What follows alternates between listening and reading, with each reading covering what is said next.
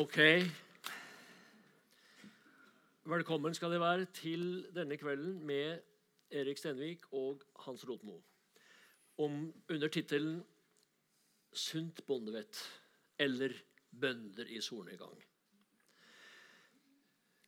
Eh, velkommen også til Erik da, og til Hans. Takk.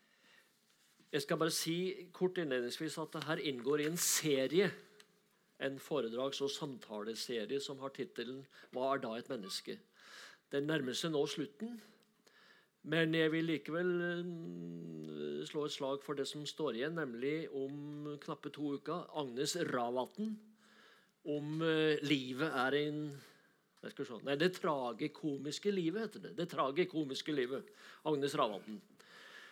Over jul så får vi Linn Stalsberg med tittelen 'Mennesket og markedet'. Og så avslutter vi serien i slutten av uh, februar med trekløveret Thomas Jylland Eriksen, Dag Hessen og Arne Johan Vetlesen. Det blir et slags toppmøte på, uh, av de mest fremtredende samfunnsdebattanter i den generasjonen. Så det får de følge med på på heimesidene på Litteraturhuset. Og altså velkommen skal de være da.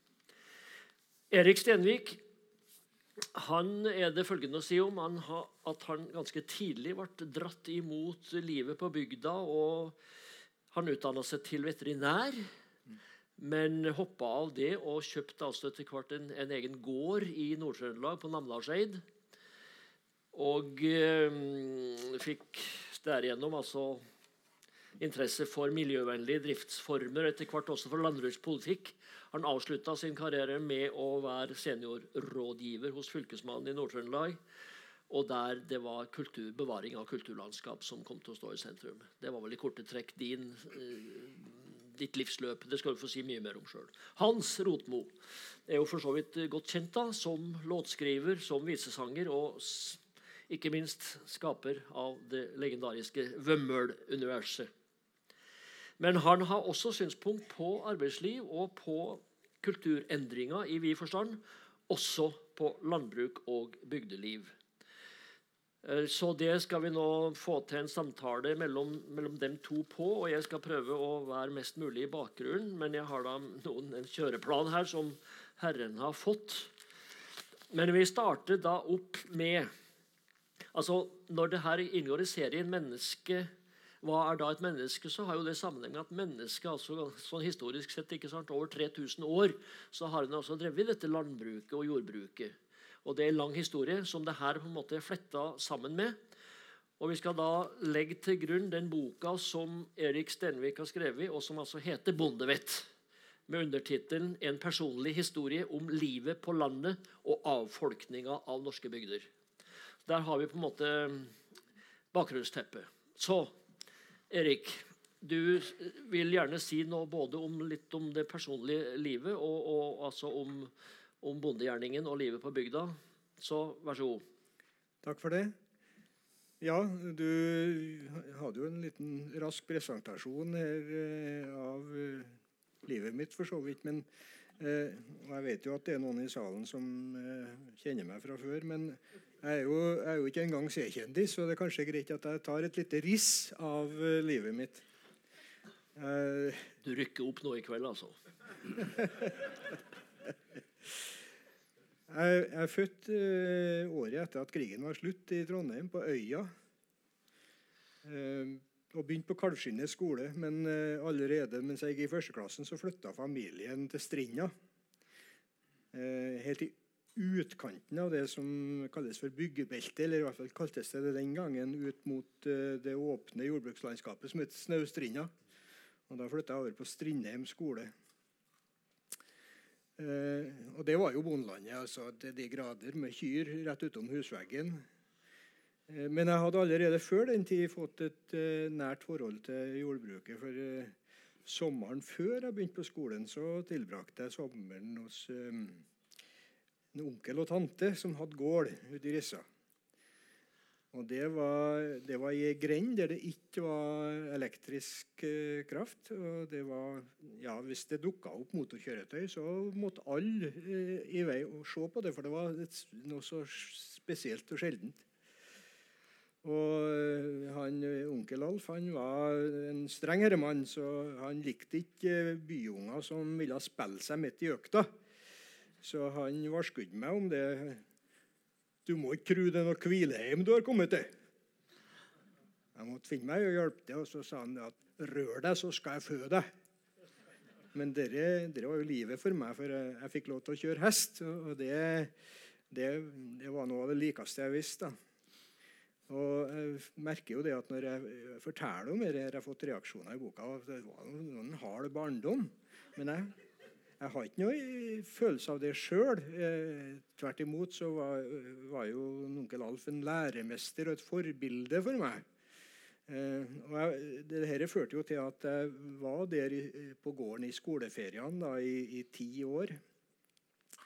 Og når vi som unger da ble spurt om hva vi skulle bli, så, så var jo kameratene litt i tvil om de skulle bli politi eller brannmann. Men jeg var aldri i tvil, for jeg skulle bli bonde.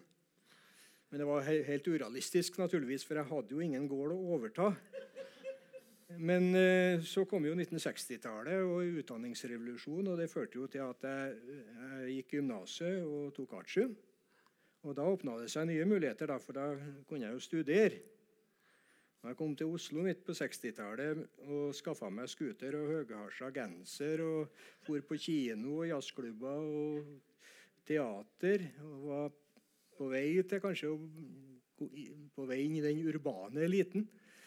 Men så sto valget mellom Tannlegehøgskolen og Veterinærhøgskolen. Og så valgte jeg Veterinærhøgskolen. For det var, liksom, det var jo litt i den retningen jeg hadde tenkt meg i, i barndommen. Og det, På Veterinærhøgskolen var det et veldig jordnært eh, miljø. Uh, så jeg bestemte meg da for at jeg skulle ut på bygda. Og jeg havna jo da som nyutdanna veterinær på Frøya, der jeg fikk jobb som distriktsveterinær. Og eh, allerede i Oslo så hadde jeg møtt ei som het Nanna, som var fra Nord-Trøndelag. Og, og, vi hadde slått oss i lag. og etter at jeg hadde tilbrakt første året på Frøya, så var hun ferdig med studiene på Blindern og kom etter. og så slo vi oss i lag der i veterinærboligen. Men så hadde vi, hun òg lyst på jordbruk, så vi begynte sånn på hobbybasis eh, med, med det. Skaffa oss hest. Og, men eh, vi kunne gjerne tenkt oss eh, litt mer. da, Kunne drive med husdyr. Og så balla dette på seg, sånn at vi begynte å avertere i avisene etter gård. Vi var jo bestemt på at vi skulle ut med kysten, så vi vi averterte i, i, i avisene, skrev til herresagronomer og, og, ville skaffe oss en gård. Men eh, det var vanskelig. Men så ved en ren tilfeldighet så oppdaga vi at det var en gård til salgs på Namdalseid, fire mil nord for Steinkjer. Og der eh, havna vi, da. Eh, jeg sa opp jobben på Frøya. Og Det var mange som var forundra over det. De kunne ikke skjønne at det lønte seg, og det gjorde det selvfølgelig heller ikke. Men eh, jeg måtte jo drive privatpraksis da, på Namdalseid eh, de første årene. For den gården vi overtok, han var, han var litt eh, Ja, han har vært ute av drift en del år. Så må, den måtte bygges opp på nytt. Så det ble travle tider. Og den hesten vi har med oss, han solgte vi. For eh, nå måtte jeg jo lære meg dette med traktor, og da ble det så håpløst seigt å holde på med hest, for hesten måtte jo hvile hele tida. Det trengte ikke traktoren. Det var bare å fylle på diesel og kjøre videre. Så, men det dro på seg med tida, da, sånn at eh, jeg begynte å tenke over om det egentlig var dette som var målet når vi skaffa oss gården. Å bli veldig effektiv, eh, bo og drive mest mulig industrielt. Og det var det jo ikke. Så etter hvert, eh, etter at vi hadde fått bygd ny driftsbygning og kommet i gang med, med skikkelig husdyrhold, og hadde sagt opp jobben som dyrlege, så ble det så vi orienterte oss mer og mer i retning av det som nå heter økologisk jordbruk. Og vi la jo om til det òg, da. Og husdyrholdet var jo hovedpoenget, eller det som var det aller viktigste i gårdsdrifta. Og dette gikk jo bra. Vi hadde to gutter, og de sloss jo nærmest om å få overta gården da de var små. Men da de vokste, så reiste de til Oslo begge to. Og Da satt vi gamlingene igjen. Og det gikk jo greit. Vi, vi hadde jo bygd opp vår egen arbeidsplass. Og, og, vi hadde i grunnen ikke tenkt så mye over at vi skulle bli gamle. Men eh, eh, plutselig en dag i 2002 så kom det et eh, par som vi kjente litt, og sa at hvis vi ville selge gården, så ville de kjøpe. Det førte jo til at vi måtte eh, ta opp status, og så fant vi ut at istedenfor å, å bygge ut gården enda mer, f.eks. med gris eller kyllingproduksjon, så var det kanskje like så bra at vi eh, lot noen som var ung og sprek, få lov å overta. Så framtida for gården var sikra, og så måtte vi prøve å finne oss noe annet. Og Sånn gikk det da til at vi havna i Steinkjer der Anna fikk jobb på biblioteket, og jeg fikk jobb hos Fylkesmannen og fikk arbeid med kulturlandskap og miljøtiltak, som var midt i blinken for meg. da. Men så ble jeg jo pensjonist og fikk litt mer tid. Og så var jeg på det omtrent nøyaktig fire år siden at jeg var på ei boklansering på biblioteket her i Trondheim. Og Så fikk jeg, en, eh, fikk jeg en brosjyre der fra museumsforlaget. Og På baksida på den brosjyren så sto det Har du idé til eh, ei bok, så ta kontakt med oss. Ja, kanskje det. Så tok jeg kontakt med dem. og, og så lanserte jeg denne ideen om å, å, skrive om de store endringene i, i Norge i etterkrigstida. Eh, sånn som jeg hadde opplevd det, og spesielt da om eh, landbruket og den, den uh, ufattelige omstillinga som hadde skjedd der. Og det var de interessert i. Så De så gjerne at jeg skrev historien om den norske småbrukeren. Og Jeg sendte inn utkast til et første kapittel òg, men så, det her var rett før jul i 2015. Og Da fikk jeg tilbakemelding om at det var interessant. Jeg skulle få høre mer ifra dem. Men så gikk eh, redaktøren ut i fødselspermisjon, og så hørte ikke jeg noe mer. Eh, så jeg har en sønn som er forfatter. Han er ordentlig forfatter, han, ja. Og så spurte jeg han ja, hva skal jeg gjøre nå. da? Skal jeg se meg om etter et annet forlag? Eller? Nei, da bare skriv, du, sa han. Bare skriv bok. Men så får vi se etterpå om det kanskje er noen som er interessert i å gi ut det. Men, men hvis du skal håpe om at noen skal gi ut det, så må du, så må du gi noe av deg sjøl. Da, da, må du bruke eget, din egen historie som en rød tråd gjennom boka. Og så må du huske på én ting. Show, don't tell. Og Det er sånn eh, forfattermantra. At du, du, skal ikke, du, skal ikke, du skal ikke beskrive altså, Du skal ikke fortelle folk sånn og sånn var det, men du skal, du skal skildre det på en sånn måte at de opplever det. Og var, jeg, jeg, måtte jo lese noen bøker om dette håndverket og skrive bøker. For det, det, det, kommer ikke helt av seg sjøl. Jeg hadde jo skrevet en del før. Artikler av den slags. Jeg hadde faktisk skrevet en artikkel i, i Syn og Segn i 89 under tittelen 'Er tida ute for den norske småbrukeren?' Og det det, jeg bekrefta jo det. da. Jeg trodde jeg kom til å gå i den retning, og jeg fikk jo rett. Men i alle fall, den boka som jeg da skrev, det er jo historien om det som har skjedd i etterkrigstidas Norge, og om, litt om hvorfor det har skjedd. Og Det er ikke bare om landbruket og, og forhistoria, men det er om de holdningsendringene eh, som har funnet sted. Altså, hvorfor folk i dag eh, tenker og oppfører seg helt annerledes enn de gjorde i min barndom. Jeg må jo føye til da, at eh, rett før dette her nå, så satt jeg og hørte på et foredrag om Nord-Trøndelag E-verk. Og Der uh, ble det fortalt om, om hvordan E-verket så det som sin oppgave å få strøm ut til, til dem som bodde i ytterkantene. Og sånn var det jo fordi at i, i, da jeg ble født og i min tidlige oppvekst, så var det jo vareknapphet og mangel på nær sagt alt. Det hjalp ikke om du hadde penger, du måtte ha rasjoneringskort for å få kjøpt noe. Og det, det gjaldt ikke bare matvarer, men det gjaldt klær og sko og brennevin og tobakk og alt mulig. Og jeg fikk en påminning om det nå forleden dag jeg så på Internett. Og noen som minte om at Trondheim Vassverk sendte ut plakater eh, der det sto Vi er ikke tryllekunstnere. Spar på vannet. Hver dråpe teller. Og Da var regelen at du, du, skulle ikke trekke i snora hvis du hadde gjort bare bimmelim. Det måtte vente til noen hadde gjort bommelom. Og Det var sånne, sånne stickers kan det kanskje kalles, som du tredde innpå lysbryterne, der det sto 'Spar på strømmen. Husk å slå av lyset'. Og Det forteller noe om eh, de enorme endringene som har skjedd ifra den gangen det var samfunnsinstitusjoner som skulle skaffe folk det som var nødvendig på et rettferdig vis og til en overkommelig pris, før markedet tok over. Hvor det i dag ikke er spørsmål om, om, å spare på noe som helst, det er om å gjøre å forbruke mest mulig av alt mulig. Så den boka handler litt om det og har litt perspektiv innover i framtida. Men nå Tja, ja, jeg, jeg, tror vi skal gå videre. Men du har fått sagt Du har fått festa grepet nå. Ja. ja. Og så skal vi Da skal vi videre, og da skal vi, Håkon, kjøre snutt her.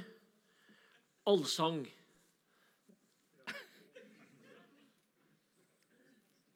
Her står jeg i et digert fjøs, det gjør meg både sur og bøs.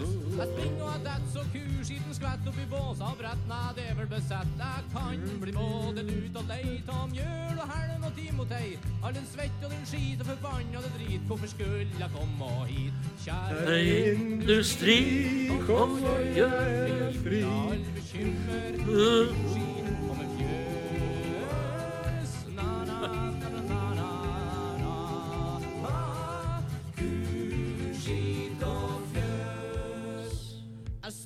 Fra morgen og til kveld og vaske jur og rumpestell. På Hudagros og Fagros og Lina og Stina og Tina og Mina og dem som har sina, så jeg blir full av lort og hår og handa full av blemmer og sår. Jeg harker og spytter og sparker og døtter, men det er ikke noe snøtte i år. Kjære industri, kom og gjør meg fri fra all bekymmer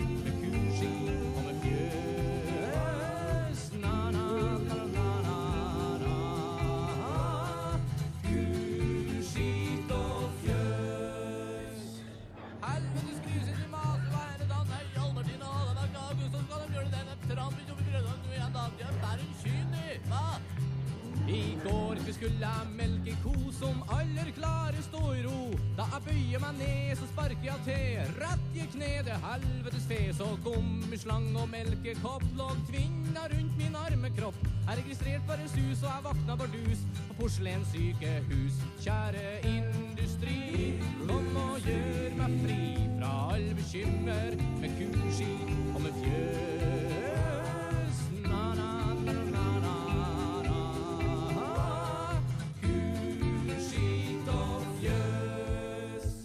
Men det som er aller verst med det her, er det at det blir stadig verre og verre. Staten syk seg feit og dryg. Regjeringa lyg mens hun blunker så blyg. Og samvirkeorganisasjonene er blitt det forargelse for folk og for fe. Det sentraliseres og det legges ned. Ja, det blir aller slutt med det.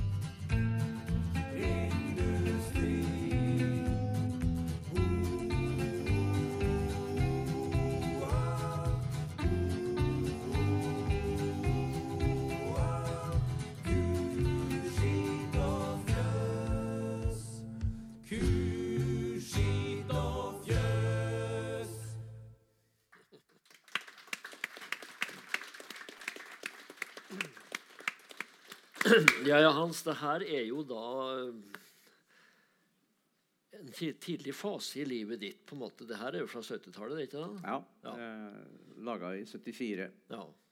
Og det har skjedd litt i dine mm, holdninger også til landbruket. Men først du, ville du gjerne si noe om din egen omstilling og, og små Du flytta også til et Ja, småbruk i ja, sin tid. jeg må si det at uh, det er mye parallelt mellom oss to. Fordi at jeg flytta også i 1975 fra Oslo. Eh, da og har også en sånn akademisk karriere å gå til. Jeg hadde da tatt uh, cand.mag.-eksamen ferdig. Jeg hadde kommet meg inn i underholdningsavdelingen på NRK. Jeg har utsikter til å bli medlem der sammen med Totto Osvald og Else Michelet under eh, regimet til Rolf Kirkvaag. Men så kom der Vømmøl-greiene, da, og det ble turneer. Og jeg måtte velge om jeg skulle velge turnélivet eller, eh, eller NRK. Og eh, det ble, det ble da turnélivet. Og egentlig mot min, min vilje så ble jeg nedstemt i orkesteret. At vi skulle dra på tur. Jeg mente at Vi har jo spilt inn plat. Folk setter jo på grammofon. De hører jo musikken da. Kan vi ikke få reise rundt og spille. Bare tull. Men så gjorde vi det likevel. Og så begynte det å komme tilbake en del tanker. og det var, For det første så var det oppveksten min oppi, langt oppi dalen, oppi Verdalen. Så jeg er jo ikke noe bymenneske, jeg. Eh, og eh, for jo da hadde også sånn, litt sånn bonderomantikk. For å reke i gårdene. Foreldrene mine drev landhandel, men eh, jeg, jeg, jeg rek gårdene, for det var jo så mye artigere. Var med og lete, henta hjem kyrne og alt mulig rart. Eh, og så um, hadde jeg holdt på med arkeologi om, eh, sommer, eh, som sommerjobb under eh, universitetsstudiene. Og da eh, for jeg jo Jeg, jobba på Dønna, jobba på Inderøya, Stange, Bjugn, Ørlandet. Jeg så mange plasser som var nedlagt. Og tenkte så, så at det er synd at det ikke bor folk her. Her, her er jo fint, kan man godt bo. Og så tenkte jeg, og dette hadde jeg i tankene da. Så Derfor kjøpte jeg Hoasøene, en nedlagt gård. som det var, måtte jo begynne med å så måke ut saueskitten ut av eh, våningshuset. Men jeg fikk jo noe bebo beboelig, da. Og Grunnen til at jeg valgte Stjørdal, var at jeg forsto at du, du kan ikke bare flytte hvor som helst uh, i landet her. Du må ha en forankring. Og Det hadde jeg i Stjørdal, for mora mi var født nede på Hell. Så dermed så ble jeg jo fort akseptert da, som, som Lånkebygg. Og eh, sånn, eh, sånn havna jeg der. Og, men kanskje det aller viktigste var det at jeg hadde da bestemt meg for at jeg skulle fortsette med det jeg har lært meg da med låtskriving og sånne ting. Jeg skulle være låtskriver. Og da måtte jeg bo sånn at det var radig. Nemlig nært flyplass, nært toget og i fornuftig nærhet til tettsteder hvor det foregikk noe. ting. Alt foregikk egentlig i Oslo da, med platebransjen og sånt den gangen. Jeg ville bo der det var stille istedenfor der det var bråkete. Jeg ville bo der det var rent istedenfor der det var støv og skitt. Jeg ville bo der det var romslig istedenfor å bo trangt. Sånn måtte jeg ha det, som tenkte jeg. Det, må, det er bra for en dikter, en en låtskriver. Og så holdt jeg på med litt krøtter og, og, og litt jord og, og sånn sjølberging. da. Å, så tenkte jeg så at eh, jeg kan jo, Hvorfor skal jeg jobbe som lærer og betale 50% i skatt, og så skal jeg betale snekkeren for å holde på i huset mitt? Og så skal han betale 50% i skatt. Jeg kan jo heller være snekker sjøl. Ta det en sånn shortcut. Det har jeg siden holdt på med. da. Så jeg kan veldig mye rart. Jeg, da jeg kom opp i Hoasøen, kunne jeg ingenting. Jeg visste ikke att og fram på en motorsag, jeg kunne ikke kjøre en traktor. Men i løpet av en sju-åtte år så, så kunne jeg alt mulig. Jeg jobba på gårder, jeg jobba på sagbruk, jeg jobba ja, Ikke noe for noe betaling og sånn særlig, da, men, men det, det syns jeg var livet. Og jeg tror én ting vi oppnådde når vi flytta begge to Vi unngikk tilværelsens uutholdelige letthet. Ja.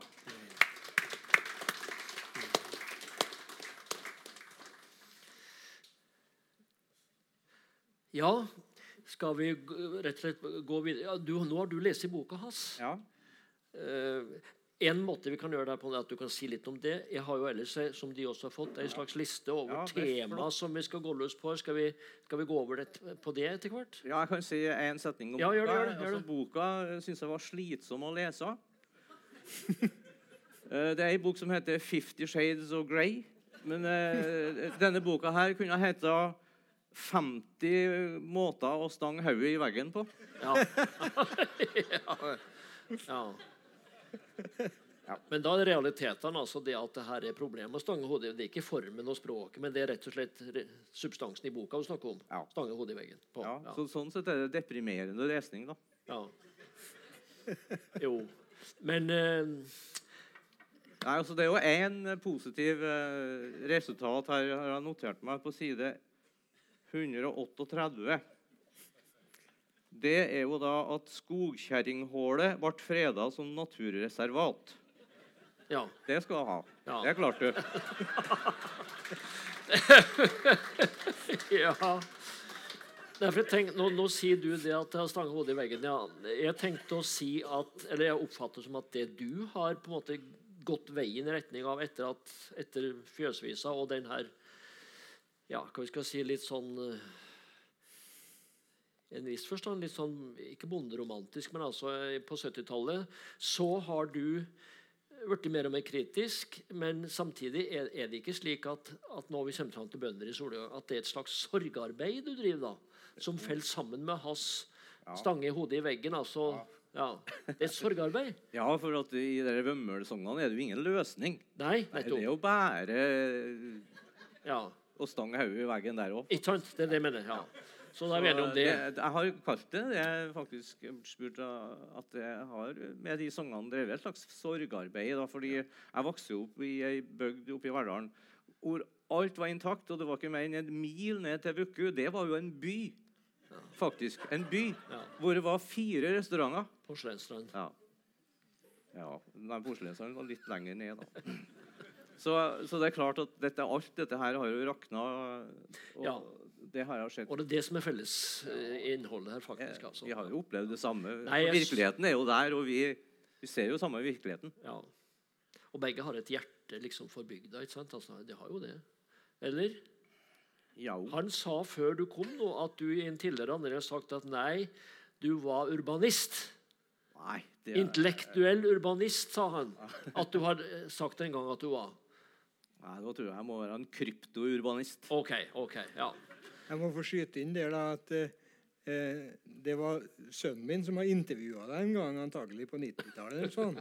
Og han refererte at han hadde, han hadde liksom klassifisert deg som tilhørende bygda. Og da sa han at det var en misforståelse, for du var en, eh, en urban intellektuell. Ja, ja. La det ligge. Han eh, hører på, vet du. Sjølskryt. La det ligge, la det ligge.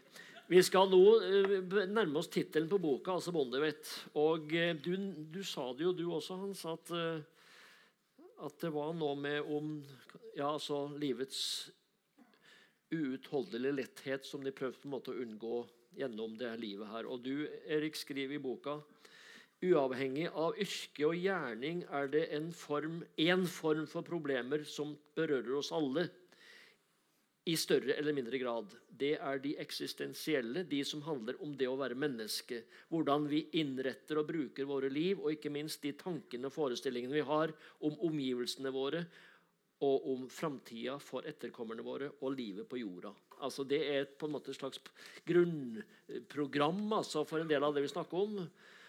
Og så nærmer vi oss den bondevettet. Da Kan du si litt om det, Erik? Hva du legger i det begrepet bondevett? Ja, det Det kan jo oversettes med sunn fornuft, naturligvis. Og Det, jeg tror ikke det finnes noe tilsvarende ord på fremmede språk. For der, eh, der går det mer inn under vanlig common sense. Men, eh, men dette med bondevett, det er det er nok for det første knytta til, til selve ordet bonde, som da er opprinnelig buandi, dvs. Si den fastboende. Og, og det er jo det eh, den kondenserte visdommen som har gjort det mulig å overleve i dette landet eh, i tusenvis av år. Eh, og det har, jo, det har jo akkumulert seg da, gjennom eh, eh, muntlige overleveringer fra generasjon til generasjon i form av altså, kunnskap og visdomsord som lever den dag i dag i form av ordtak som er urgammel.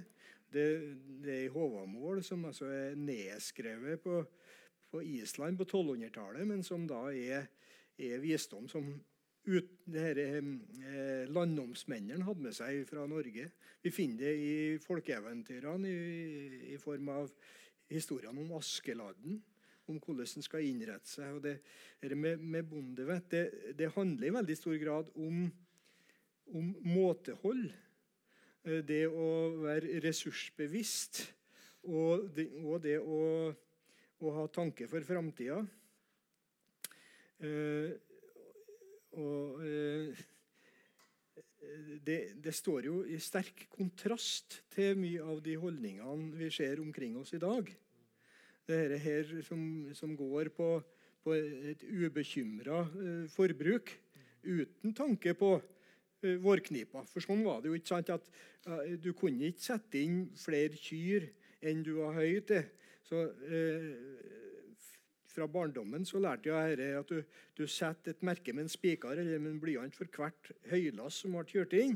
Og så regna du av sju lass per ku. Det måtte du ha, og, og en hest måtte ha ti lass. Så, og hvis ikke du hadde det, så måtte du ut i markedet om våren og prøve å skaffe høy. Men da var høyet dyrt. Så en, en god boen han må ta oversikt over dette her. Og så er det enda et element som inngår i dette med bonvettet, og det er evnen til improvisasjon. Ja. Praktisk kunnskap og det å kunne ja. improvisere og kan, kan takle en situasjon som plutselig oppstår. fordi at det er et uforutsigbart yrke å være boen. For du har naturkreftene, og du har husdyr og jeg ser, Nå ser jeg en hånd. Jo, ja, Bønder kan jo alt mulig. Det er utrolig hva de kan brukes til. De kan alt. Det er bare én gruppe som kan mer enn bønder og det er drengen og tausa. Ja. For det bonden ikke hæler å begynne å reparere på, en sånn låveport som alle klarer å henge i hop, og som må støttes opp med ståltråd og staur, det er det drengen som har orden. Ja, det er samme bransjen, så å si. Da, ja, det er det. Nå skal vi ha en demonstrasjon her på, på Bondeveit. Og da skal du, Hans, kom også å være sånn uh, Hold den her. Hell, ja. hell, der sånn omtrent. Den. Ja. Her, ja. Nettopp. Og Da skjønner du eksempelet. Det her skriver Erik om, nemlig hvis du står i en stegga, en stige, ja. og må holde fast i stigen med ei hånd, ja, da kan du vise resten. Ja, ja. det er en firtom òg, ja. Ja, Men, må, være, må være såpass. Nå, altså, jeg skulle hatt med meg min egen hammer. For jeg har ja, hammer med, med, treskaft. Og det er mye likere til dette bruket. Men, men altså, dette lærte jeg, for jeg, jeg, var jo med og bygde Eller på ramla. Ja, det går bra. Eh, jeg var jo med og bygde driftsbygning, og da lærte jeg av snekkerne hvordan en skulle få til det her hvis en måtte holde fast med den ene hånda. Ja. Da gjorde han sånn. Ja. Og så er det bare Jeg skal spikre fast den på stolpen nå, men Men så de, så de knepet? Ja, ja, ja. Men eh, det var en som ikke har fått med seg dette her, og dere eh, Snekkerne de var noen noe spissburer. så de, han så dem gjorde det og så, og så sa han Hvordan får de til dette? Altså, Nei, du, bare, du må være bestemt. Du tar spikeren inni hånda, og så smekker du til. Ja. Så gjorde han det. Men han gjorde det bare én gang.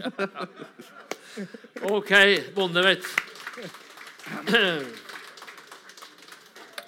Ja, jeg, må, jeg, må, få skyte inn en ting til, da, siden du har med hammeren her. Jeg Var, I barndommen var hos en onkel Alf. og så Jeg fikk jo bruke alle mulige redskap og lærte jo mye. Og Så skulle jeg begynne å sette i spikeren, og så holdt jeg i hammeren sånn.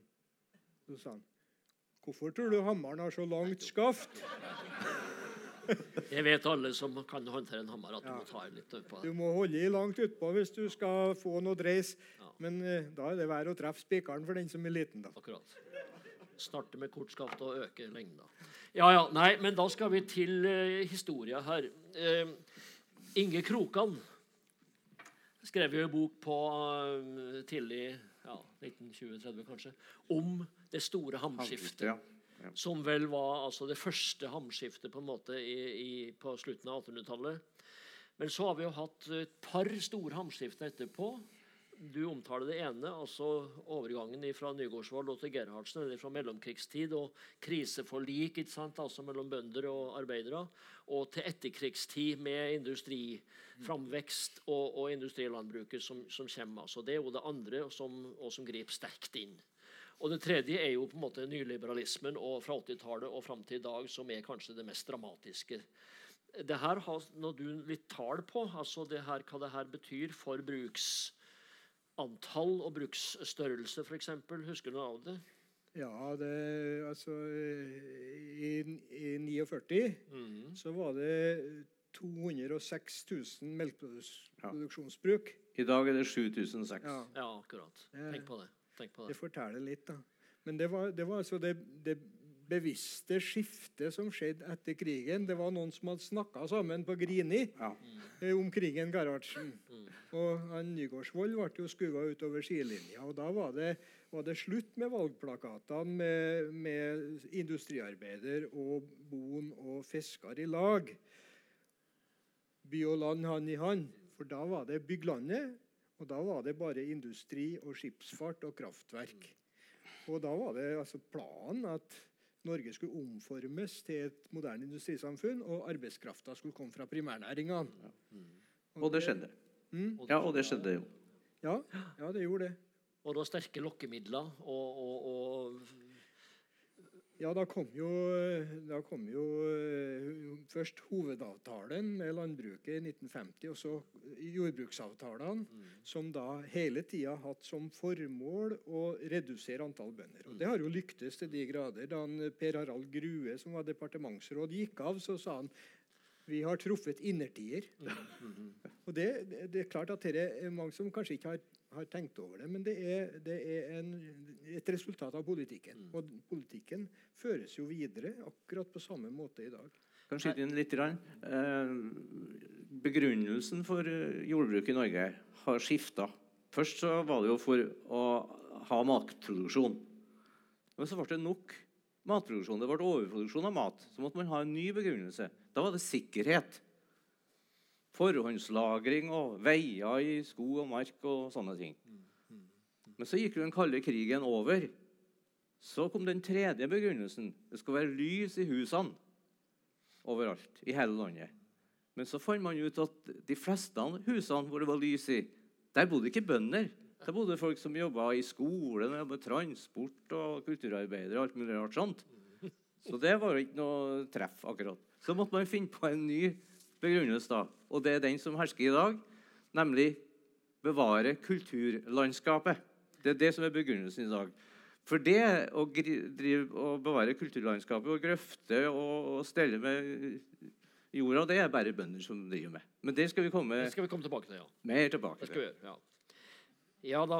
Øh, vi har, altså Landbruksorganisasjonene sin rolle er jo interessant. Eh, vi har altså Norsk bonde- og småbrukerlag på den ene sida og Norsk bonde, Nor Norges Bondelag heter. Norges Bondelag på den andre sida. Jeg tipper at begge her har et slags hjerte for Småbrukarlaget? Eller? Ja, Ja. jeg, har nå vært litt Jeg prøvde begge deler. Jeg. begynte jo i, i, i Bondelaget da jeg kom til, til Namdalseid og begynte som bonde. Jeg ble faktisk vært formann i Bondelaget òg. Eh, men eh, etter hvert som det gikk opp for meg at Bondelaget var jo, var jo kanskje den sterkeste pådriveren for strukturrasjonaliseringa.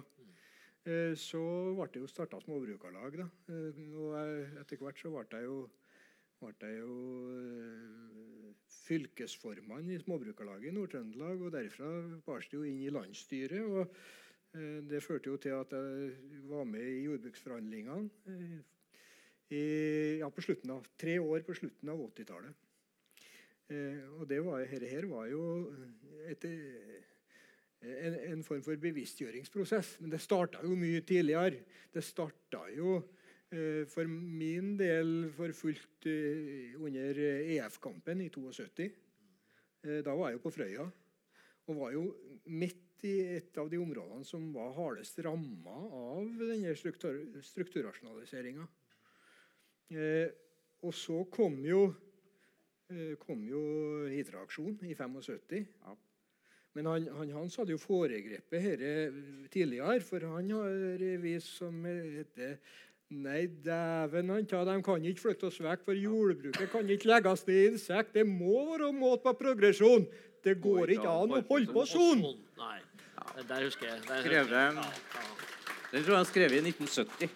1970, ja. ja, ja. Nei da, da var du der. Vi skal etter hvert komme tilbake til hvordan du har flytt, flytta det litt til landskapet. Men da er et stikkord her faktisk altså, For når du kommer til bønder i solnedgang, så er subsidiering et stikkord hos deg. La oss først høre hva subsidieringspolitikken gikk ut på. Ja, eh, det, eh, byfolk kaller det for subsidier. Og bønder kaller det for tilskudd. Og de er jo selvsagt innretta på å få mest mulig av det. Det er jo det som er hensikten nå. Men ifra dem som styrer, altså ifra statens side og ifra organisasjonenes side, så kalles dette for virkemidler. Det er disse er ordningene da, som det, det finnes flere typer av virkemidler. Det finnes juridiske virkemidler òg, men de økonomiske virkemidlene som vi snakker om, og det er pengene via jordbruksforhandlingene og pengene som går til investeringer i fjøs og sånn gjennom Innovasjon Norge, det er det som, som eh, gir rammene for det jordbruket vi skal ha framover. Og til å begynne med så gikk mye av disse tilskuddene til de minste brukene. Og Argumentasjonen for det var at han, måtte kompensere for det at de hadde vanskelige driftsvilkår og de hadde lite driftsomfang osv. Men etter hvert så har jo dette her blitt snudd fullstendig opp ned. For nå er tilskuddene knytta til, til det de produserer. Og da er det klart at Jo større bruk du har, til mer tilskudd får du. Og Det er jo det som er drivkrafta bak situasjonen i dag. at at du forsterker markedskreftene gjennom bruken av disse virkemidlene. Men altså for det litt, Jeg har brukt det bildet på dette her at eh, bonene og, og eh, byråkratene de ser gjennom hver sin ende av kikkerten. For, for eh, bonene de ser med kikkerten etter hvor jeg får tilskuddene, mens byråkratene de ser utover landet, og så ser de, ser de liksom landskapet. Og så ser de hvordan dette her virker med at, at det- det blir noen store bruk igjen der det før var mange. Og det, det betyr at de trenger ikke å forholde seg til enkeltskjebner. Men for dem som blir ramma av det, og det var jo realiteten på 50- og 60-tallet, da, da bygdene ble rasert og det ble betalt fraflyttingstilskudd Det var jo titusenvis av heimer som forsvant, og folk som måtte omstille seg. Så det hadde nok sosiale konsekvenser. Det er der du ligger, Hans. Ja, altså når jeg skrev det stykket 'Bønder i solnedgang', så hadde jeg en uh, undertittel der. 'Senskader av trygd'. Og det er resonnert på den måten at uh, disse tilskuddene da, Og det er det mange navn på. Det er med mye av det i stykket. Altså det, heter, det kan hete tilskudd, det kan hete trygd, det kan hete stipend, det kan hete apanasje. også et tilskudd. Sant?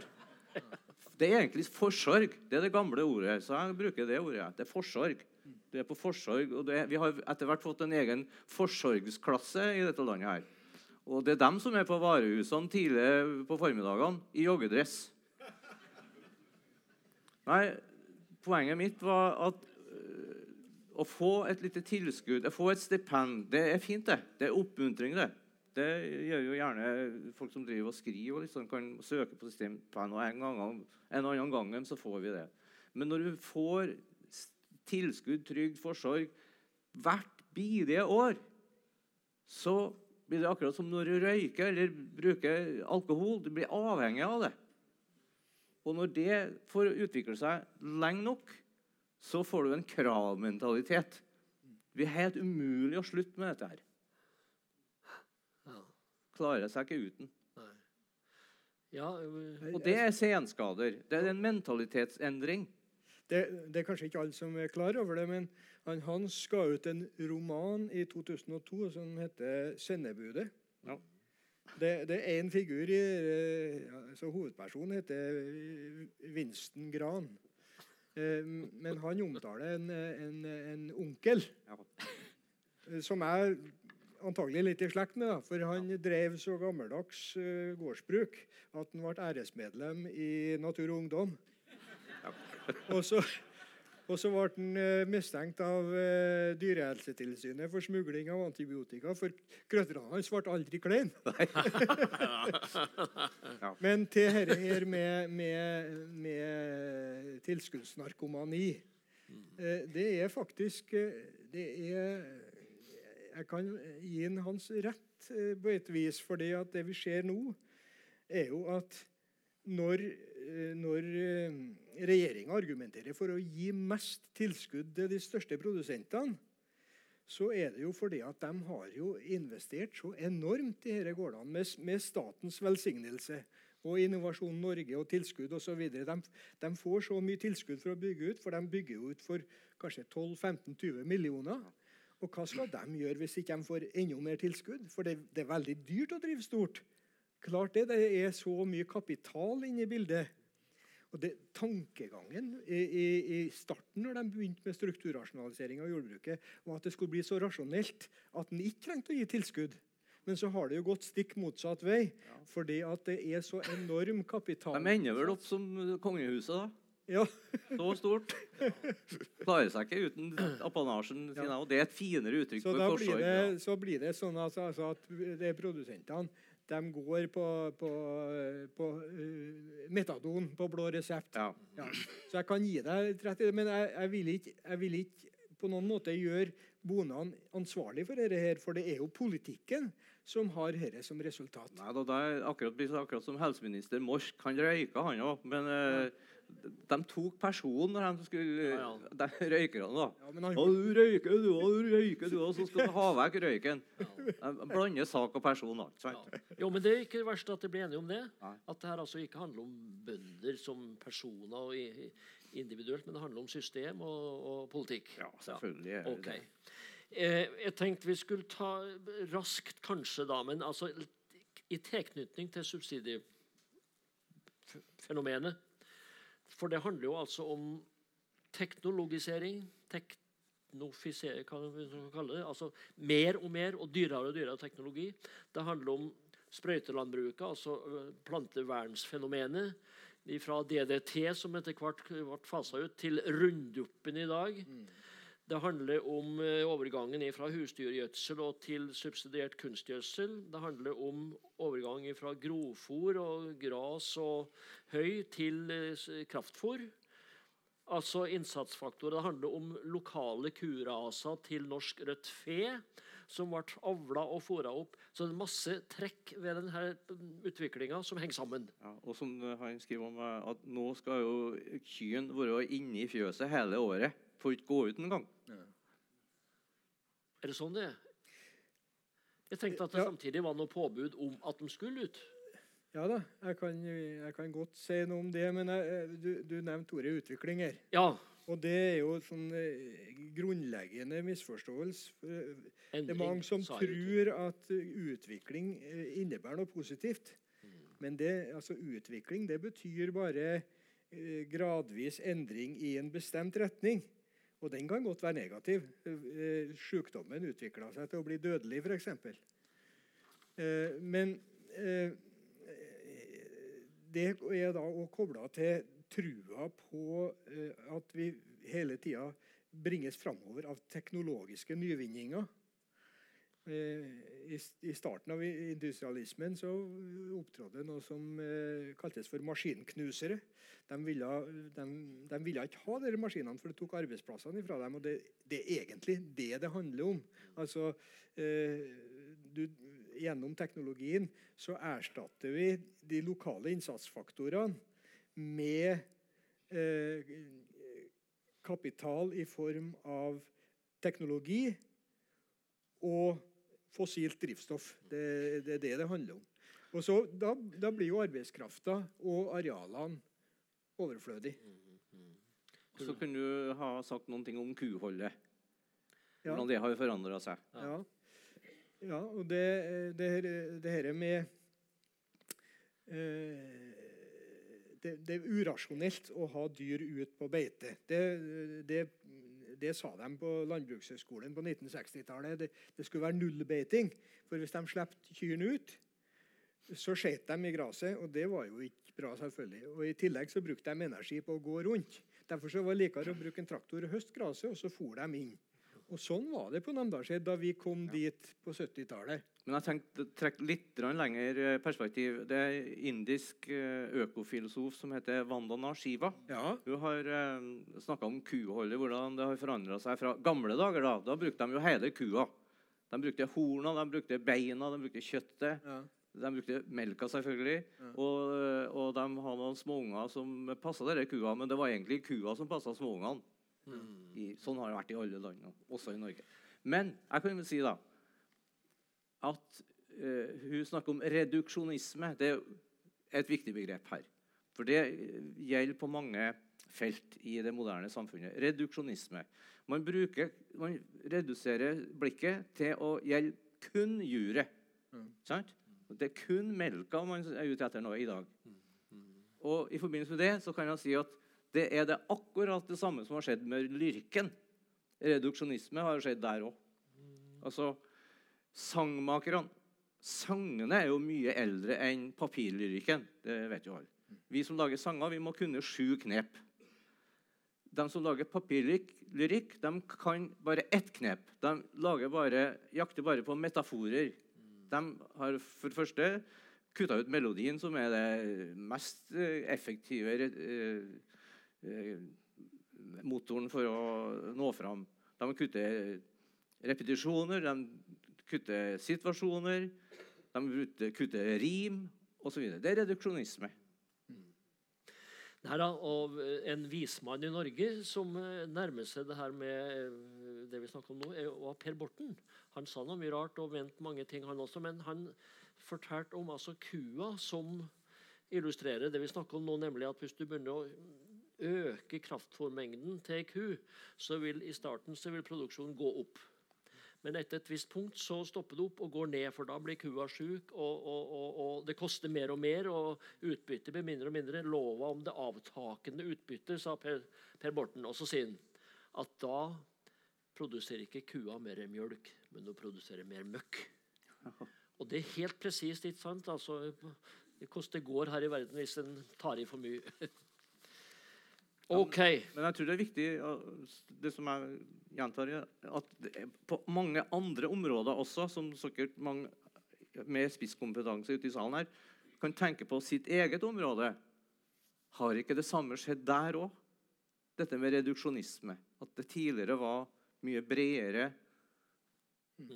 Og nå er det spisskompetanse. Man har kunnskap om bare det bitte lille området. Det store dilemmaet for landbruket i dag er jo at, eh, at, det er overskudd av mat både på verdensmarkedet og ikke minst i det norske markedet. Men det er jo bare en, en liten andel av den maten vi produserer, som, som, er produsert på norske ressurser. Faktisk under halvparten. For en god del, altså Bortimot 50% av det fôret som kyrne spiser, det er jo, det er jo kraftfôr. Altså i prinsippet menneskemat, eller iallfall korn og soya og den slags. Og det blir jo importert i stor grad fra Brasil. Eh, og det, det, var vanskelig å finne forsvar for dette her hvis ikke landbruket samtidig oppfyller noe annet eh, goder for samfunnet. Du, du, var jo litt inn på dette her med altså opprettholdt kulturlandskap for eksempel, og bosetting. og Den landbrukspolitikken som ble ført på 70-tallet, den hadde jo klart definerte beredskapsmål, bosettingsmål osv. Ja. Eh, eh, men, men vi ser jo at mer og mer av dette faller jo bort med det moderne landbruket, hvor det nesten ikke er arbeidsplasser igjen i jordbruket. Og De klarer heller ikke å ivareta kulturlandskapet. for det at det, eh, det, jordbruket er basert på de aller beste områdene, i de sentrale områdene av landet. Utover i, i utkantgrendene forsvinner det jo. Og der gror det igjen. Men der skal de til gjengjeld leve av turisme. Eh, når alt er forsvunnet, da, når meieri og slakteri og ligningskontoret og, og, og banken og, og Skolen og alt mulig er, er bort. Så kommer det konsulenter og så sier de at å, men det er jo så vakkert her, så de må jo, de må jo vise litt gründerånd. Vi må sette i gang med noe virksomhet og få i gang turisme. Men når liksom hele, hele grunnstrukturen i samfunnet er borte, så er det jo nesten som å be en snau mann om å løfte seg etter håret. det der. Og Så får de noe tilskudd, selvfølgelig, da, men, men det er, viser seg at det går ikke i lengda. Det, det er jo det som en Hans òg var inne på her tidligere. altså at, at vi, vi må egentlig reversere hele utviklinga for å, for å unngå miljøkatastrofen, naturligvis òg, men eh, for å få meningsfulle liv. Nei, så Summen av det her, som du også helt riktig kaller endring og ikke utvikling, men altså, det er jo det at det går ifra billig og måtehold og mangfold og, og, og veksel, vekselbruk og til mer og mer altså, kostbare fenomen i teknologi, gjødsling osv. Og det som er tilfellet, er jo det at nå bruker en altså 10-15 gang energi inn for å få én ut. Ja. Fordi at det koster så mye eh, energitilfang på inns maskiner, drivstoff, gjødsel osv. Og det er jo et slags uttrykk for, for forfallet eller problemer i, i landbruket. Ja, Jeg må skyte inn det her. I, I 1989, eh, yngst sønnen vår var 13 år, så kom en, eh, en til meg med, med, med O-fagsboka si. Eh, Han gikk på ungdomsskole. Og så sa han Du, far, det står i boka her I fattige utviklingsland er så mye som 70 eh, av befolkninga sysselsatt i jordbruket. I Norge er bare 4 sysselsatt i jordbruket. I et høyt utvikla land som Vest-Tyskland er bare 2% av befolkninga sysselsatt i jordbruket. Og så sa han du lærer, betyr det at, at et land er fullt utvikla når det er 0% Og det hadde ikke læreren vært i stand til å svare på. Så da måtte jeg prøve å forklare dette. her. Men, men det er jo, altså, poenget er jo at det er veldig sterke eh, kapitalinteresser i landbruket. Altså, det er jo et, et kjempemessig marked, for det er jo nesten ingenting bonden gjør lenger. Han, han sitter bare på en traktor han, og, så, og så styrer han noen melkeroboter og sånt noe. Men da må han ha hjelp av dyre konsulenter. Og så er det da alle andre som tar seg av både å skaffe innsatsvarene og foredle produktene hans. Alt dette ble jo gjort på gården før. Så, men det å få gjort noe med systemet er så vanskelig, for det er så mange som har økonomiske interesser i at det skal fortsette i samme retning som det går nå. Og så alt baserer seg på stort sett da, fra, på olje, som er er en slags sparebørse Ja. man tar av, som ikke er fornybar. ikke sant? Og det gjelder jo transport også. Og, og en Papirindustrien sitter jo, Tre mann er på en papirmaskin i dag. En som sitter og styrer maskina, en som går rundt og kikker litt, og så er en på trucken som tar rullene. Det er tre mann istedenfor 25. Vi har ikke all verdens tid på oss lenger. Vi skal mot slutten nærme oss det her med at, at bønder i dag, gårdbrukere i dag, er jo samtidig pressa mot veggen. altså. Dem, og Vi skal tilbake til litt sånn by og land og elitedebatten. Og Det er mange fenomen i dag sant, som altså bønder strir med, og som er debatten. Det er altså dyrehelse, dyrevern, det er rovdyrfenomenet, det er kjøtt eh. Og, og jeg hørte senest i dag at norsk kjøttforbruk var radikalt på vei ned. Altså det er masse, Og det er biologisk mangfold som en diskuterer. Altså det er store krav og stort press på bønder som føler seg altså ja, på en måte fjern da, fra det som kanskje er det mer urbane. ikke sant? Der en er da for alt dette dyrevernet og, og, og mot rovdyr og, og går mer og mer i vegetarretning osv. Som, som presses inn på bønder. Og det samme gjelder for en del eh, miljøavgifter. ikke sant? Vi, vi, har de gule vestene i, i Frankrike. Noen har kanskje hørt om eller lest Ulbeck om serotonin, som altså er Og han er jo veterinær. Altså, som er vitne til det her presset på bygda og på det å stå utafor på den måten der. Så hva kan vi si om det? Ja, det, det her, her er jo et, et internasjonalt fenomen, med, med, sentrum kontra periferi. Og at, at, det er en voldsom frustrasjon. Og det gjelder ikke bare på landsbygda.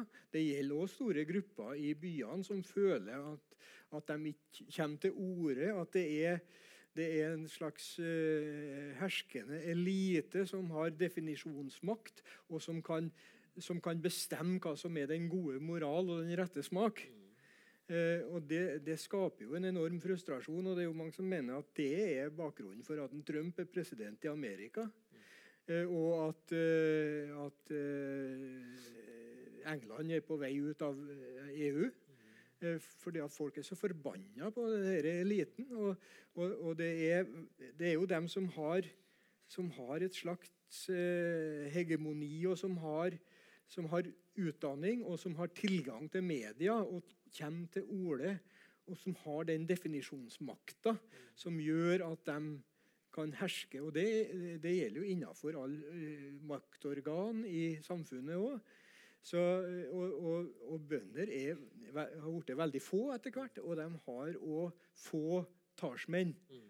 Iallfall er det vanskelig å slippe det i, i media med, med, det som ligger dem på hjertet. Mm. Så det er ingen tvil om at de er hardt pressa. Mm. Og ei side ved det der er jo det at de også går i forsvar, slik at uh, at det kan danne seg altså bygda som et slags revir der uh, det er rettigheter for innabuks versus utabuks, og det er bygda for bygdefolk, og det kan være av og til litt sånn raljering med byfolk. Så jeg, jeg sitter jo midt i den skvisen sjøl, jeg er jo fra bygda, og samtidig så er jeg mye oppi dalen og står av og til midt oppi det der at jeg på den ene sida framstår altså som bymann ikke sant, og fremmed, og på den andre sida føler jeg at jeg er ganske tett oppi det. Men der er det en del spenning. Ja, men det er det dere, dere eh, det går i retning av det som det er mye snakk om nå for tida, nemlig bygdedyret. Mm, ja. Tenkte å nevne det. Og, og, det er jo i slekt med, med, med jante. da. Det er jo den danske varianten. Eh, men dere syns jeg er veldig urettferdig uthenging av bygda. For det er klart det, det som gjelder for vår tid, er jo at det er en voldsom eh, individualisme. Det er, det er, liksom om å, om å skape sin egen karriere. Og det er altså, Jo spissere albuer du har, til likere er det. Og du, deg, du, kan gjerne ta deg til rette eh, på bekostning av fellesskapet.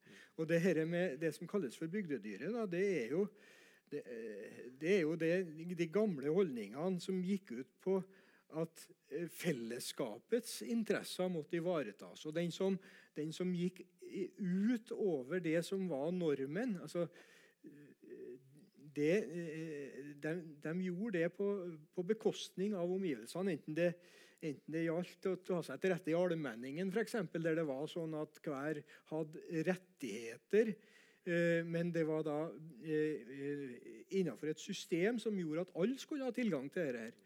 Og det som har skjedd i senere tid, er jo at det er noen som har tatt seg til rette. I fiskeriene er det jo helt ekstremt. For der er, jo, er jo fisken nå liksom monopolisert av de store trålerrederne på bekostning av kystbefolkninga. Og eh, Du har tilsvarende forhold eh, på landet hvor det er altså kommersiell turisme for eksempel, som har vanskeliggjort dette med utnytting av beiteområder. Hytte, hyttebygging på Hafjell har gjort det vanskelig med beiting. Og Det, det, det er liksom at det, det fulgte noen forpliktelser med det å ha en landbrukseiendom. F.eks. å holde gårdene i stand, sånn at det gikk an å slippe beitedyr. Selv om loven fortsatt gjelder, så blir det ikke praktisert fordi det anses som urimelig at de som har landbrukseiendommer, men som ikke har dyr, skal vedlikeholde gårdene. Og Da faller dette på noen ganske få som skal opprettholde den infrastrukturen som gjør at det er mulig å ta vare på en nasjonal ressurs. Og Da er det jo ikke så rart at, at folk i bygda reagerer på at noen tar seg til rette på den måten. Det gamle bygdesamfunnet var jo bygd opp på fellesskapsverdier, på, på dugnad f.eks. Hvor det var hvor det var en, en ære nærmest å få lov å delta. Det var en skam å utebli. I alle fall hvis du, hvis du ikke ble invitert, så var du des desidert sett utafor. Når, eh, når, jeg var på Frøya, så var det en sjølsagt ting at alle stilte opp når det skulle settes båt. For da måtte, måtte alle ta i, i fellesskap. Og dette her er jo, er jo fullstendig borte i dag. Så, så jeg, jeg, jeg, tror vi må ha et mye mer nyansert syn på det her, her som da populært i dag går under navnet bygdedyret. Nei, vi må, vi må ha ny Nygårdsvoll. By og land, hand i hand. Ja. Du skriver av og til og vi skal nå slutte, altså om disse grunnproblemer, som du kaller det. Og, og, det som er konflikten, er kanskje forholdet mellom bærekraftig utvikling og som det heter på trøndersk, bærekraftig utvikling. Ja. to forskjellige ting. Nei, men da skal vi stoppe der. Du, kan jeg uh, bare ja. få skyte inn uh, det her med Du hadde med et spørsmål her som du ikke har vært inne på, men det, det går på dette her med, med sorgarbeid og, ja, ja. og, og mm. nostalgi. For jeg hadde bekymring da boka kom ut, at dette kanskje skulle bli avfeid som ren nostalgi. Eh, og da har jeg lyst til å si at eh, Nostalgi det var i utgangspunktet en medisinsk diagnose som ble brukt om soldater som, røm, som rømte fra fronten. For de trodde at de hadde en sjukelig lengsel tilbake til heimplassen. Eh, etter hvert så, så endra synet seg litt på dette. her da. Det ble mer at de, de var sjukelig opptatt av sin egen barndom. Men nå eh, er det nye toner. Nå har nostalgi plutselig eh, kommet til heder og verdighet, for det representerer det å ikke være i stand til å bli moderne. Og det ligger det et håp i. For det som er problemet, er jo at mens vi før hadde eh, forhåpninger til framtida, trodd på framsteget, så er det jo i dag framtidsfrykt. Altså, vi må, vi må tilbake til et tidligere stadium. Vi kan ikke gå tilbake til det som var, men vi må ta lærdom av det som vi hadde i fortida. Og vi må bruke eh, bonvettet, det vil si altså redusere forbruket vårt. For den sparegrisen du var inne på, den oljen vi har For det første er den begrensa, og dessuten så kan vi ikke bruke opp den heller, for da blir jorda for varm. Amen. Ja. Jo.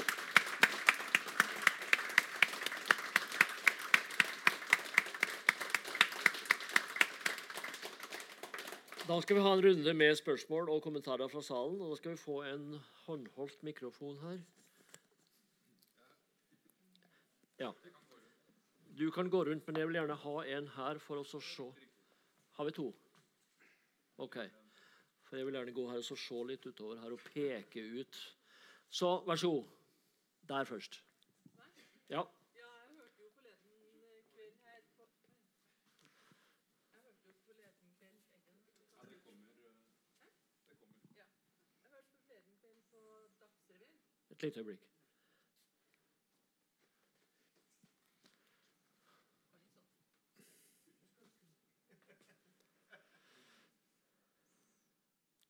Det motsatte av det problemet her er når du har en sånn en og så glemmer å slå den av, så går du på do.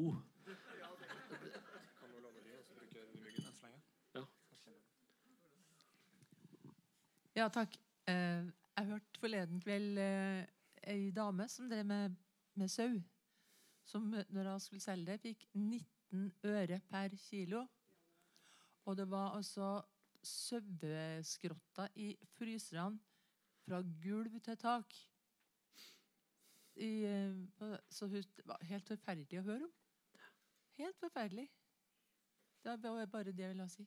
Det er jo mange som driver med sau i Norge. Og sau er jo det mest uh, Ja, jeg skal ikke si noe mer. Mest ålreite dyr, ja.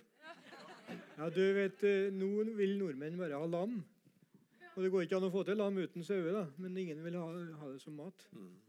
Og I dag hørte jeg at det var 10 000 norske sauer som lå på, fry, på frysen sentralt. Skal, ja. Det var noen bak her. Der, ja. Det er to der. Du, du først. Ja, ja hei. Jeg er jo eh, egentlig en optimist. og jeg, For noen år tilbake så prøvde jeg å reise landet, rundt og skape engasjement for en ny landbrukspolitikk. Eh, Det viste seg ikke å være så enkelt. eh, Ny politikk både økonomisk, økologisk og sosialt. Og det, når jeg for rundt, så var det tre spørsmål som jeg måtte ha svar på for hele tatt å skape en endring. Og det er tre spørsmål en egentlig må ha uansett hvordan endring en skal skape. Det ene måte, det er hvor står du hen? Først må du enige om hvor står hen her i samfunnet.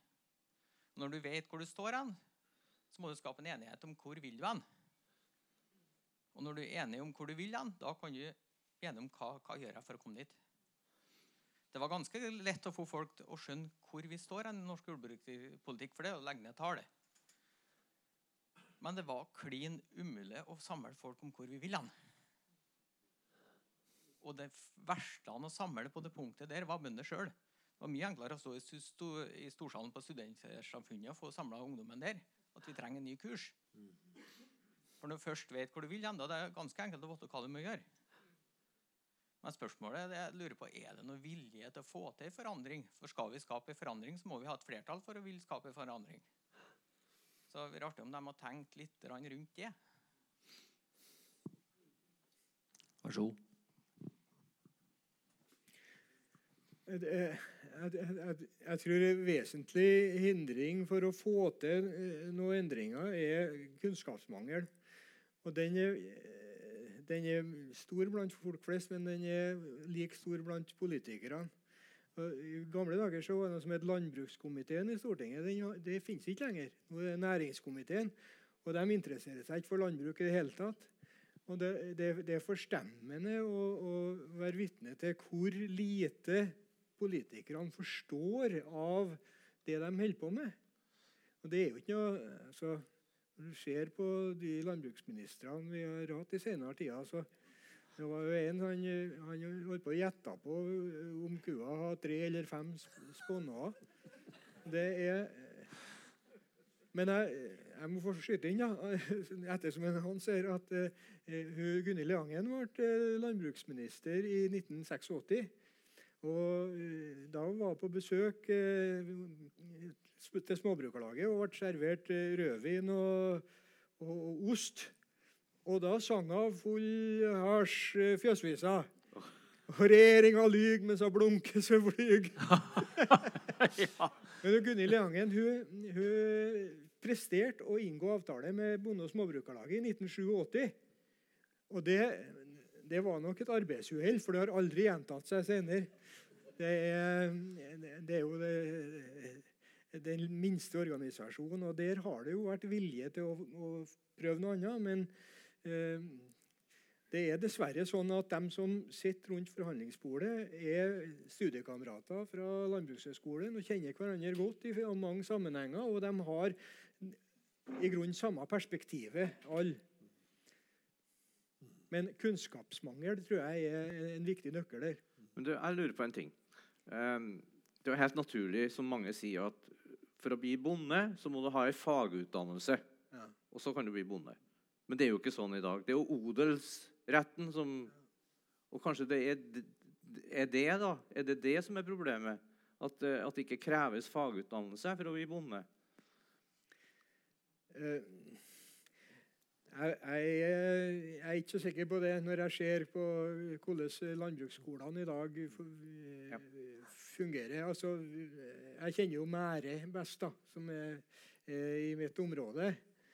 Men eh, jeg har jo den oppfatninga at eh, gjennom generasjoner nå så har jo dem som har rekruttert til Mære, blitt hjernevaska til nettopp å ønske seg det aller nyeste og største av traktorer og teknologi. Ja, Så jeg tror ikke at det, det kommer ikke noen mye nye men, tanker men men tror du ikke at det er Hvis det skal komme inn noen nye tanker, altså økologisk drift og, og så skjønne klodens situasjon og alt mulig sånt Hvis den bevisstheten kommer på utdanningsnivå, Ja, kanskje det da er ja, dags for fagutdanning istedenfor odel? ja. Da heter det grønn vekst, vet du. Det, er jo, det, det finnes jo andre utdanningsinstitusjoner, som f.eks. Fosen folkehøgskole. Hvis noen har sett noe program med en som kalles for Bonderøven, så har han gått på Fosen folkehøgskole. Og han fikk noen andre tanker enn det de får på vanlige landbruksskoler. da. Da var det der cirka. Der, ja. Vi snakker om eh, det er for mye kjøtt. Vi hever så mye kjøtt, bl.a. sau. Er det sau som er produsert i Norge, eller er det importsau som vi får fra New Zealand, Australia, vi fra alt det vet ikke. Men klarer vi å produsere nok sau sjøl hvis vi ikke har import, eller er vi nødt til å ha import? Ja, det er, det er norsk sau, ja. Eh, Det er noen sånne handelsavtaler som, som gjør f.eks. at vi er forplikta til å importere noe sau fra Island. Men det er lammekjøtt. da. Men altså, denne sauen det er norskprodusert kjøtt. Men, eh, men det har noe med altså, Forbruket av såkalt rødt kjøtt da, fra drøvtyggere, som egentlig er laga for å ete gress, Eh, Det har vært relativt konstant i hele etterkrigstida. Men det som har, det som har økt enormt, det er jo eh, fra svin og i senere år først og fremst kjukling. Det er altså et enormt forbruk av de kjøttslagene som da er basert på, på kraftfôr eller, eller mjøl, eller i prinsippet menneskemat. Og det var, det var en eh, statskonsulent, Jon Sæland, som, som skrev om dette her allerede på 50-tallet, når han så hvordan retning utviklinga tok. At dette kom til å bli en katastrofe for norsk landbruk hvis de skulle basere seg på det han kalte for mjøldyri i stedet for grasdyri. For det kom til å rive hele grunnlaget bort fra norsk landbruk. For det vi har mye av i Norge, det er jo grasareal, det er utmarksareal. Det er areal der det foregår fotosyntese og skapes energi, som vi har brukt disse drøvtyggerne til å høste inn denne energien og gjort om det til nøttbare produkter for oss, både ull og kjøtt og melk. Først og fremst melk har jo vært et hovedprodukt. Men nå er det, altså, eh, nå er det om å, å få alt dette industrialisert. Derfor må vi ha store løvstridsfjøs som kan automatiseres med roboter osv. Det er ikke først og fremst av hensyn til, til dyre, eh, dyrevelferden. Det er fordi at det skal industrialiseres. Og eh, eh, Arne Skouen han skrev en epistel i Dagbladet på 1970-tallet der han skrev Men sauen kan ikke industrialiseres. Men de gjør jo, gjør jo forsøk med, på å industrialisere til og med sauen. Og det er jo et, et forferdelig misforståelse, for han kan jo bare gjøre nytte for seg hvis han høster ressursene i utmark og fjell.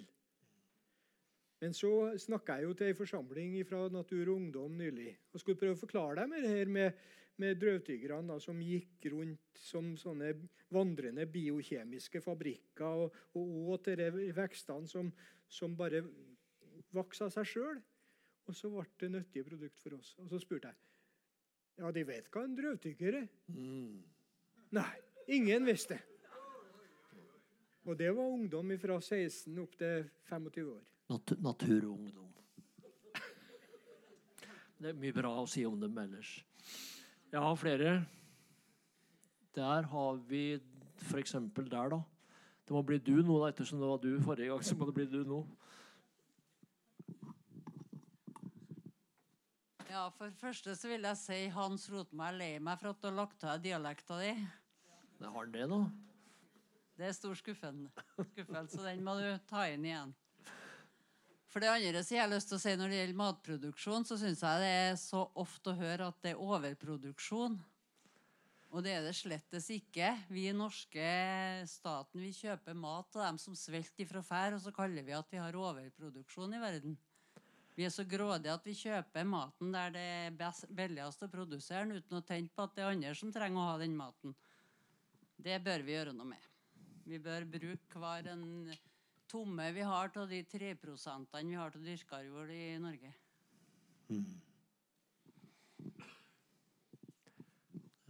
Vil du si noe til det?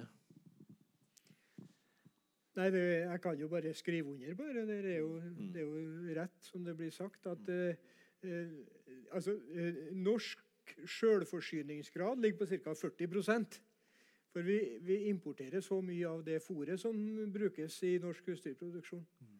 Så eh, vi, vi burde jo absolutt ta ansvaret for vår egen matproduksjon i mye større grad. Og det har jo vært snakk om at vi står framfor en hungerskrise. Vi er 7,6 milliarder på, på kloden. Men eh, det er jo den forestillinga at det er nok eh, mat for den som har kjøpekraft.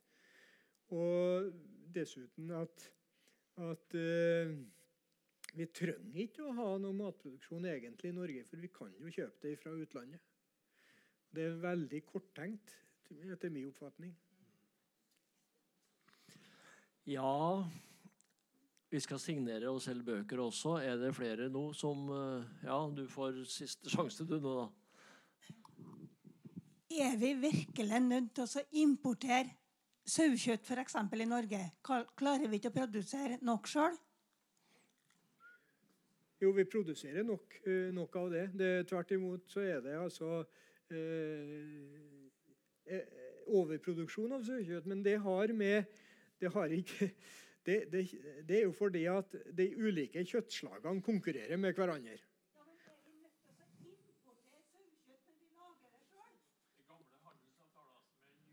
Ja, det, men det, altså de, det, det her islandskjøttet det blir reeksportert, og det er lite i forhold til det som, som ligger av norsk uh, sauekjøtt på lager. Men det, det, har med, det har med forbrukerpreferanser å gjøre, som de kaller det. Folk kjøper tjukling. Vi, altså er, hvis du ser på sammensetninga av det folk et av kjøtt, så utgjør sau og lam en forsvinnende liten del, og det er sesongvare. og Den blir ikke markedsført annet enn akkurat i sesongen heller.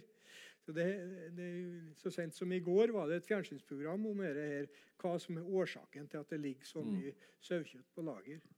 Og Det er mange eh, samvirkende faktorer. Men det er klart hvis norske forbrukere hadde vært bevisst og sagt at vi vil ha norsk mat, ja, så hadde de kjøpt sauekjøtt i stedet for å kjøpe denne tjuklingen som da er fôra fram på importert kraftfôr. Da sier vi til slutt du Der, ja. Du er snart slutt, så jeg kan være snar, men eh, interessant til slutt er noe om dere, eh, både Hans og Erik, kunne ha kikka inn i glasskula og sett eh, hva skjer framover. Hvor står vi igjen om 20-30 år? Da, skal vi bruke karaffelen, f.eks. Kikke inn i karaffelen. Får ta den, du. Han der, eh, David Attenborough han sa i et eh, naturprogram We can save the planet if we do it now. Jeg har tenkt litt på det, og jeg tror at det er for mange do-iter. Det er det som er problemet. Det er noen som syns at det viktigste vi kan gjøre, er å ta fatt i resistente bakterier. Noen snakker om atomvåpen. Noen snakker om at vi må bli kvitt eh, cruiseskipene. Noen sier at vi må bli kvitt eh, pelsdyrene. Og noen er mer opptatt av fotball, og noen er opptatt av at du skal beholde din egen dialekt uansett. og, så det er for mange det er for mange duiter. Det, det er i hvert fall ti, kanskje 20 duiter. Hvis du tenker på dette med vannmangel og ja, you name it. Så planeten kommer vi ikke til å redde. Og det som er største problemet, er at det er en konflikt mellom menneskeheten og planeten. Og hvor vil du stille deg der? Skal du jobbe for planeten og sørge for at det blir eutanasi, at det blir mer resistente bakterier, min, om flere barnedød? Eller skal du jobbe for menneskeheten og mot naturen, mot bakterier, hogge ut enda mer skog, jobbe mot kloden? Hvor dette valget må vi alle ta. Det der tror jeg er kanonspørsmål, altså. For- Og så du, Erik, til slutt. Ja. For, for bare noen dager siden så var jeg her øh, blant publikum og hørte på en Tor Åge Bringsvær som snakka om det å bli gammel, og det er jo et interessant tema. Men han, eh, mot slutten av det foredraget, så snakka han om, om hva som kommer til å skje videre. Og han eh, kom inn på dette her med kunstig intelligens.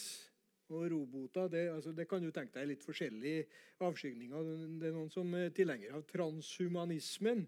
At vi rett og slett skal altså, eh, podes med, med, kunstig intelligens, sånn at vi får noen supermennesker med, eget, med evig liv osv. Men han så for seg da kanskje at, at det oppsto en, en ny type vesen som innså at at mennesket skapte jo bare problem på kloden. Det var jo bare Ødela jo faktisk hele planeten. Mm. Så han uh, lurte på om resultatet da ble at disse robotene som tar over etter oss, de eliminerer menneskeheten. Kanskje det blir eh, løsningen, men uh, ja, det, lite, lite oppbyggende til slutt, da. Dette sa jo Peter Wessel Zapfe for 100 år siden. Han skrev en doktoravhandling som heter 'Om det tragiske'. Og Der hadde han en spissformulering som er følgende En mennesketom klode er ingen skade. Han sa vi kunne begynne med at én pluss én ble én. Altså ingen skulle få mer enn én unge. Ja vel, ja vel. Det var litt uh, Jo, men det er jo alvor. Ja visst det er alvor. Det er det, det. Ja. Men kan vi ikke også ha noen slags forestilling om at, at når skrifta på veggen liksom blir tydelig nok, så, så klarer menneskeheten å Ja, Grete Thunberg. Ja, for eksempel det. Ja, for eksempel det. Men da tror jeg vi avslutter, og så klapper vi for Hans og Erik.